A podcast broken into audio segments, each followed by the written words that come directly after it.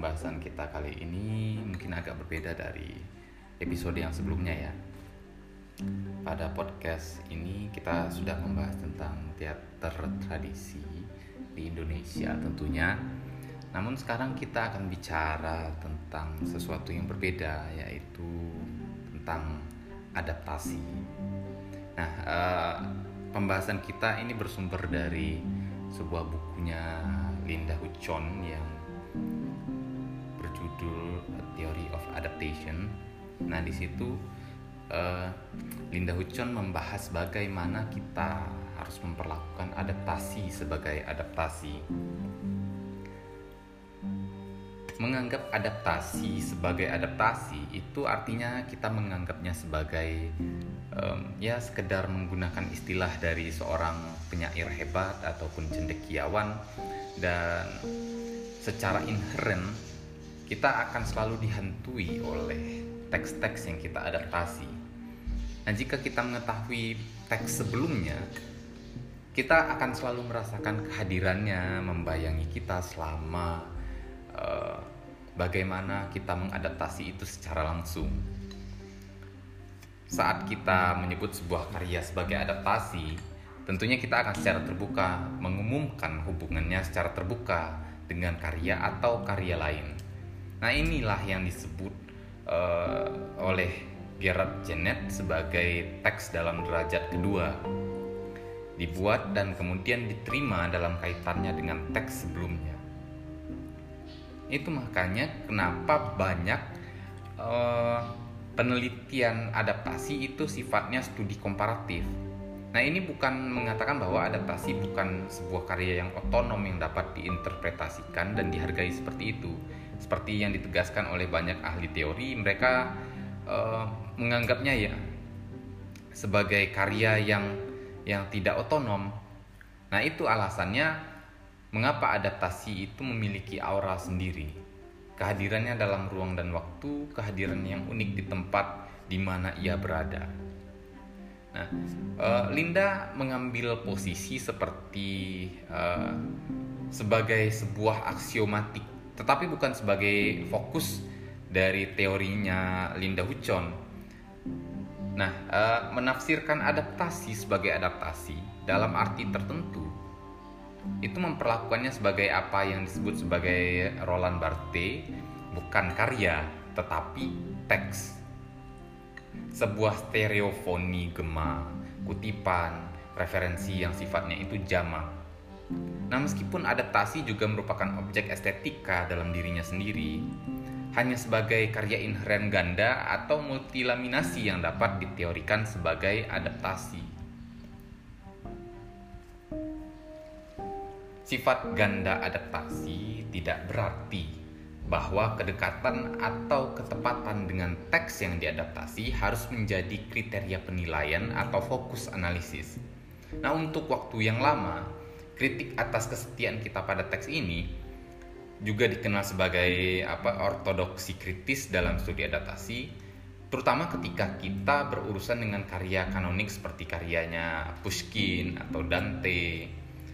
Uh, nah, saat ini dominasi tentang uh, apa kesetiaan dari adaptasi ini berurusan juga dengan perspektif dan juga dengan berbagai hasil dan seperti yang ditunjukkan seperti uh, ada seorang ahli namanya George Bluestone sejak awal ketika sebuah film menjadi sukses secara finansial atau kritis pertanyaan tentang kesetiaannya hampir tidak dipikirkan. Nah, keputusan Linda uh, untuk tidak berkonsentrasi pada aspek khusus ini dari hubungan antara teks yang diadaptasi dan adaptasi berarti bahwa tampaknya ada sedikit kebutuhan untuk terlibat langsung dalam perdebatan terus-menerus mengenai derajat kedekatan dengan asli yang telah menghasilkan banyak tipologi proses adaptasi. Nah, di sini kita akan uh, menggunakan istilah dari Andrew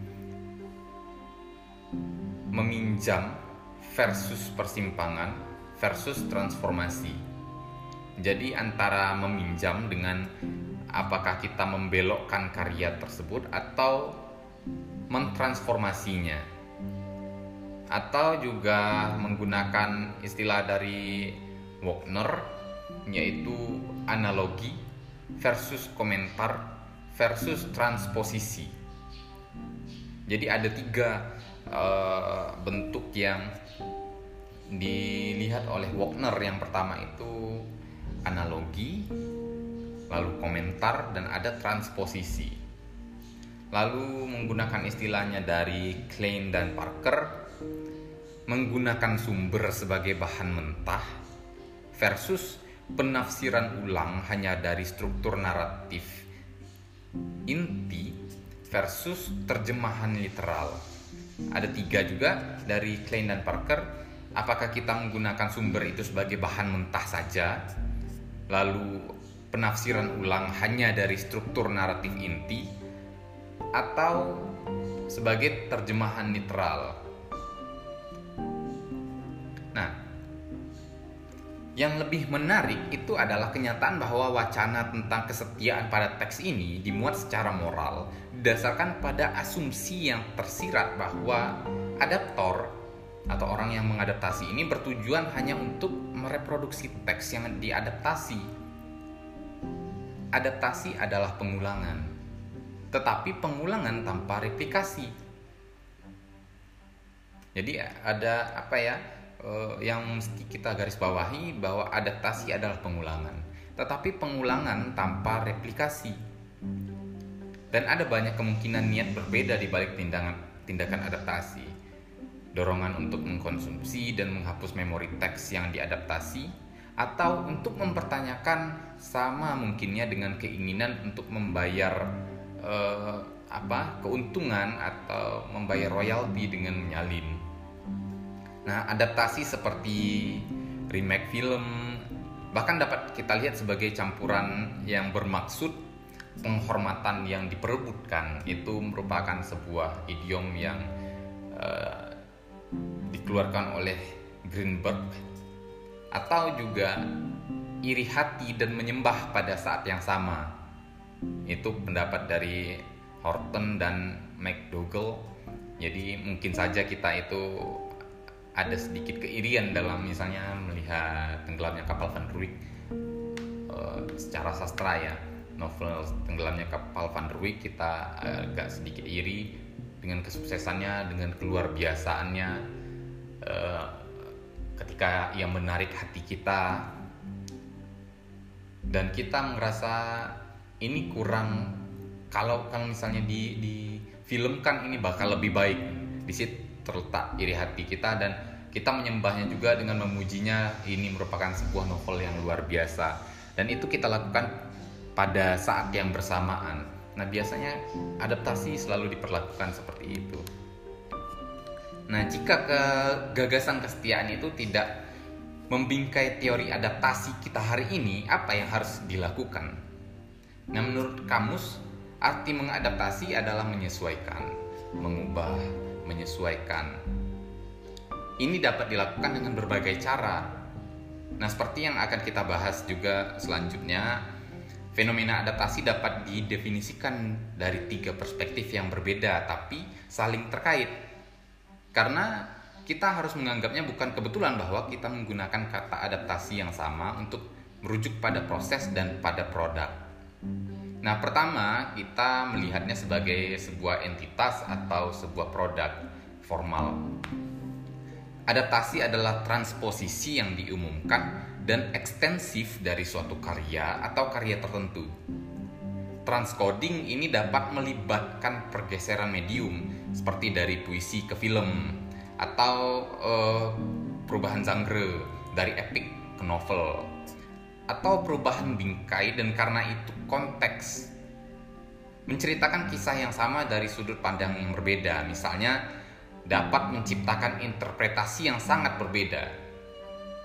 Transposisi juga bisa berarti pergeseran ontologi dari yang nyata ke fiksi dari catatan sejarah atau biografi ke narasi atau drama fiksi. Nah buku Sister Helen Prean tahun 94 Dead Man Walking and A Witness Account of the Death Penalty in the United States menjadi film fiksi pertama yang disutradarai oleh Tim Robbins pada tahun 95 dan kemudian beberapa tahun kemudian uh, juga dipentaskan sebagai sebuah opera dan ditulis ulang oleh Terence McNally dan Jack Hagee. Jadi ada uh, perubahan dari bukunya Sister Helen Preyan itu yang ditulis 94 pertama itu menjadi uh, film fiksi lalu menjadi sebuah opera. Nah kedua sebagai proses penciptaan. Tindakan adaptasi selalu melibatkan interpretasi atau reinterpretasi. Kemudian kembali pada proses penciptaan. Nah ini disebut apropriasi dan penyelamatan. Tergantung pada perspektif eh, bagaimana teman-teman.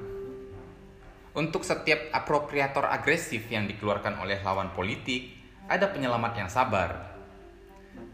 Priscilla Galloway, seorang adaptor narasi mitis dan sejarah untuk anak-anak dan dewasa muda, mengatakan bahwa dia dimotivasi oleh keinginan untuk melestarikan cerita yang patut diketahui tetapi tidak akan selalu berbicara kepada audiens baru tanpa penghidupan kembali yang kreatif. Dan itulah tugasnya.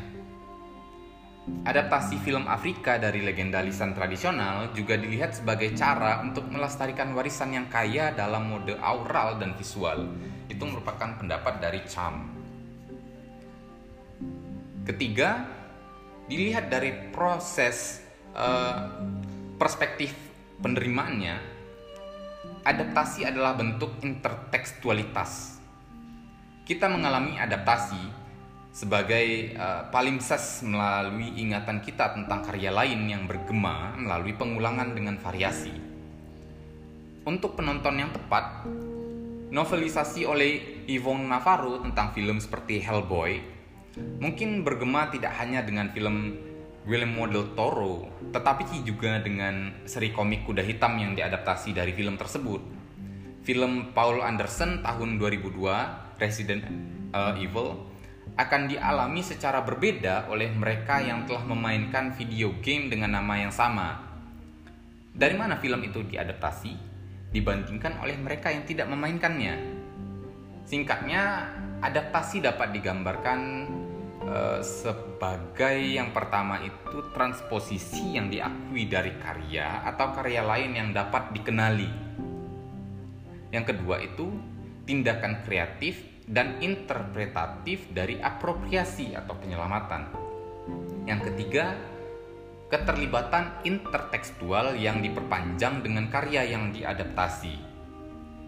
Nah, oleh karena itu, adaptasi adalah turunan yang bukan turunan, karya yang kedua tanpa menjadi yang sekunder